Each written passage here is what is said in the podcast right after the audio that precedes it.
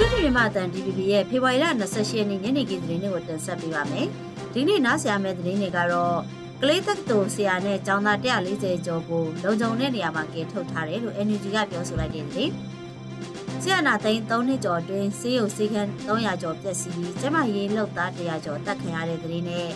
ကြောက်ဖြူဒုက္ခသည်စခန်းရှိရိုဟင်ဂျာ1000ကျော်ကိုစစ်မှုထမ်းခိုင်းဖို့စစ်ကောင်စီကအာဏာမခေါ်သွားတဲ့သတင်းကိုနားဆင်ရမှာဖြစ်ပါတယ်။ ကလေးတက္ကသိုလ်ဆရာဆရာမနဲ့ကျောင်းသားကျောင်းသူ140ကိုဘေးကင်းလုံခြုံတဲ့နေရာမှာထုတ်ပေးထားတယ်လို့မြို့သားညွရဲ့ဆိုရ NUG ကာကွယ်ရေးဝန်ကြီးဌာနက TVB ကိုပြောပါရယ်။စကိုင်းတိုက်ကလေးမျိုးမှာရှိတဲ့ကလေးတက္ကသိုလ်ဝင်းထဲမှာအခိုင်အမာတက်ဆွဲထားတဲ့စစ်ကောင်စီတပ်တွေနဲ့တော်လှန်ရေးပူးပေါင်းတပ်တွေကြားဖေဖော်ဝါရီလ26ရက်နေ့ကတိုက်ပွဲဖြစ်ပွားခဲ့ပါတယ်။တိုက်ပွဲအတွင်းဝန်ထမ်းနဲ့ဆရာဆရာမတွေကို PDF တွေကဖမ်းဆီးသွားတယ်လို့စစ်ကောင်စီကသတင်းထုတ်ပြန်ထားပါတယ်။စစ်ကောင်စီတပ်တွေက ဝန်ထမ်းနဲ့ကျောင်းသားတွေကိုကာကွယ်ယူပြီးတိုက်ပွဲဆင်နွှဲခဲ့တာဖြစ်ကြောင်းနဲ့ဆရာတွေကျောင်းသားတွေနဲ့ဝန်ထမ်းတွေကိုဘေးလွတ်ရာကိုတည်ထုတ်ပေးထားတယ်လို့ NGO ကာကွယ်ရေးဝန်ကြီးဌာနဒုတိယဝန်ကြီးဥပမာဆွေကပြောပါရယ် ဒီတိုက်ပွဲတွင်ကျောင်းဝန်ထမ်းတွေနဲ့ကျောင်းသားတွေကို PDF တွေကဖမ်းဆီးသွားခဲ့တာကြောင့်လိုက်လံကယ်ဆယ်ပြီးစုစုပေါင်း280ဦးကိုကယ်ဆယ်နိုင်ခဲ့တယ်လို့ကြံသူတွေကိုလည်းကယ်ဆယ်နိုင်ဖို့စုံစမ်းနေတယ်လို့စစ်ကောင်စီပြောခွင့်ရသူကိုကျုပ်စော်မင်းထွန်းကစစ်တပ်ပိုင်မီဒီယာကနေတဆင့်ပြောပါရယ်စစ်ကောင်စီရဲ့ပြောဆိုချက်ကအမှန်တကယ်ဖြစ်ခဲ့တာနဲ့ပြောင်းပြန်ဖြစ်တယ်ဆိုပြီး NGO ကဆိုပါရယ်ရှင်။ဆရာနာသိန်း3နှစ်ကျော်ကာလအတွင်းစစ်ကောင်စီရဲ့ကျန်းဖက်တိုက်ခတ်မှုတွေကြောင့်ဆေးရုံဆေးခန်း308ခုပျက်စီးခဲ့ပြီး တပ်ဖြတ်ခံရတဲ့ကျန်းမာရေးလုပ်သား104ယောက်ရှိခဲ့တယ်လို့မြို့သားညွှန်ရဲ့ဆိုရ NGO ကထုတ်ပြန်ပါတယ်။ဒါအပြင်ဒီကာလအတွင်းစစ်အုပ်စုရဲ့ကျန်းမာရေးကဏ္ဍအပေါ်မှာအကြမ်းဖက်တိုက်ခတ်မှု1200ကျော်ရှိခဲ့ပြီးထိခိုက်ဒဏ်ရာရှိခဲ့တဲ့ကျန်းမာရေးလုပ်သား136ယောက်ထိရှိခဲ့တယ်လို့လည်းဆိုပါတယ်။ရခိုင်တပ်တော်ထုတ်ပြန်ချက်အရ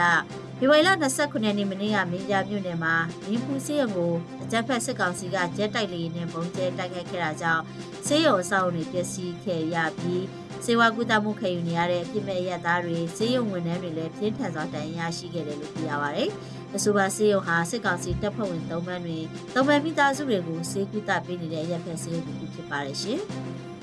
ရခိုင်ပြည်နယ်ကြောက်ပြမြို့နယ်ဒုက္ခသည်စခန်းကရိုဟင်ဂျာမွတ်စလင်တရားကျော်ကိုစစ်မှုထမ်းခိုင်းမှုဖေဖော်ဝါရီလ28ရက်နေ့ဒီကနေ့မနက်မှာစစ်တပ်ကအာဓမခေါ်ဆောင်သွားခဲ့တယ်လို့ဒေသခံတွေကနေသိရပါဗျ။စစ်တပ်ထဲကိုဝင်ဖို့ပြပေးပြီးတဲ့နောက်မနက်ပိုင်း9နာရီမှာကားတွေနဲ့လာပြီးတောင်ကုန်းမြို့ခြေဆိုင်စကခ9လက်အောက်ခံကြောက်ပြမြို့ပေါ်ကခမရ94နှစ်တရင်တွေကိုခေါ်ဆောင်သွားတာလို့ဆိုပါတယ်။တက်နဲ့ရဲအင်အားတရားဝန်းကျင်လောက်မနေ့ကမနေ့အစောပိုင်းကလေးကစခန်းကိုလာဝဲထားခဲ့တာဖြစ်ပါတယ်ရှင်။ online ငွေလည်လည်မှုတွေနဲ့အတူရာဇဝမှုတွေတိုးပွားလာနေတဲ့မြန်မာထိုင်းလာအိုနယ်ဆက်ရွှေတရိကန်ဒေသကိုမသွားကြဖို့တောင်ကိုရီးယားနိုင်ငံသားရေးဝန်ကြီးဌာနက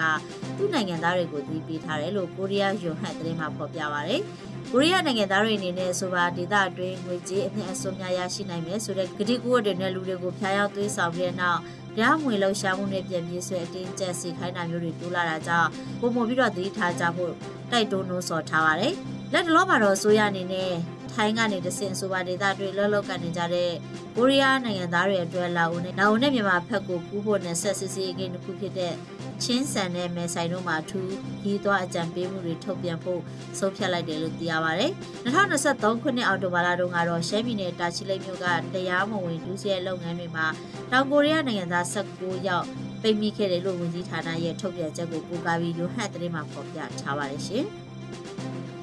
မွန်ပြည်နယ်မော်လမြိုင်မြို့မှာဖေဖော်ဝါရီလ26ရက်နေ့ကနှစ်ပေါင်း80ကျော်အတွင်းအမြင့်ဆုံးအပူချိန်တည်တင်ခဲ့တယ်လို့မိုးလေဝသနဲ့ဆလပေဒါဦးစီးဌာနကဖေဖော်ဝါရီလ29ရက်နေ့ကသတိပေးချက်ထုတ်ပြန်ထားပါတယ်။မော်လမြိုင်မြို့မှာဖေဖော်ဝါရီလ26ရက်နေ့ကအပူချိန်39.1ဒီဂရီစင်တီဂရိတ်ရှိခဲ့တာကြောင့်အပူချိန်အမြင့်ဆုံးကိုရောက်ရှိခဲ့ပါတယ်။အဲ့ဒီမတိုင်ခင်2012ခုနှစ်တုန်းကအပူချိန်38.8ဒီဂရီစင်တီဂရိတ်ကအမြင့်ဆုံးအပူချိန်နဲ့ရှိခဲ့ပြီးအခုအပူချိန်ကတော့စိုက်ချိန်တည်တင်ခဲ့တယ်လို့ဆိုပါတယ်။ လက်ရှိရာသီဥတုပူပြင်းမှုကိုဒေသခံတွေခံစားနေရပြီးနှစ်ဖက်အပြင်သွားရင်အပူချိန်ကမြင့်တက်နေတဲ့အတွက်အကာအကွယ်ယူပြီးသွားလာနေရတယ်လို့ဒေသခံတွေကပြောပါရယ်အခုအပူချိန်ဆက်ချေတစ်တင်နေတဲ့အတွက်နေရာသီပူချိန်များမဲ့ကာလတွေပြင်ပအလွတ်လွတ်နေရသူတွေအနေနဲ့အပူဒဏ်ကာကွယ်တဲ့အသုံးဆောင်အဝတ်စင်သုံးပြကြဖို့ကျမရဲ့သိပညာပေးမှုတွေကိုသတိပြုကြဖို့လဲကျမရဲ့ပညာရှင်တွေကအကြံပြုထားပါတယ်ရှင်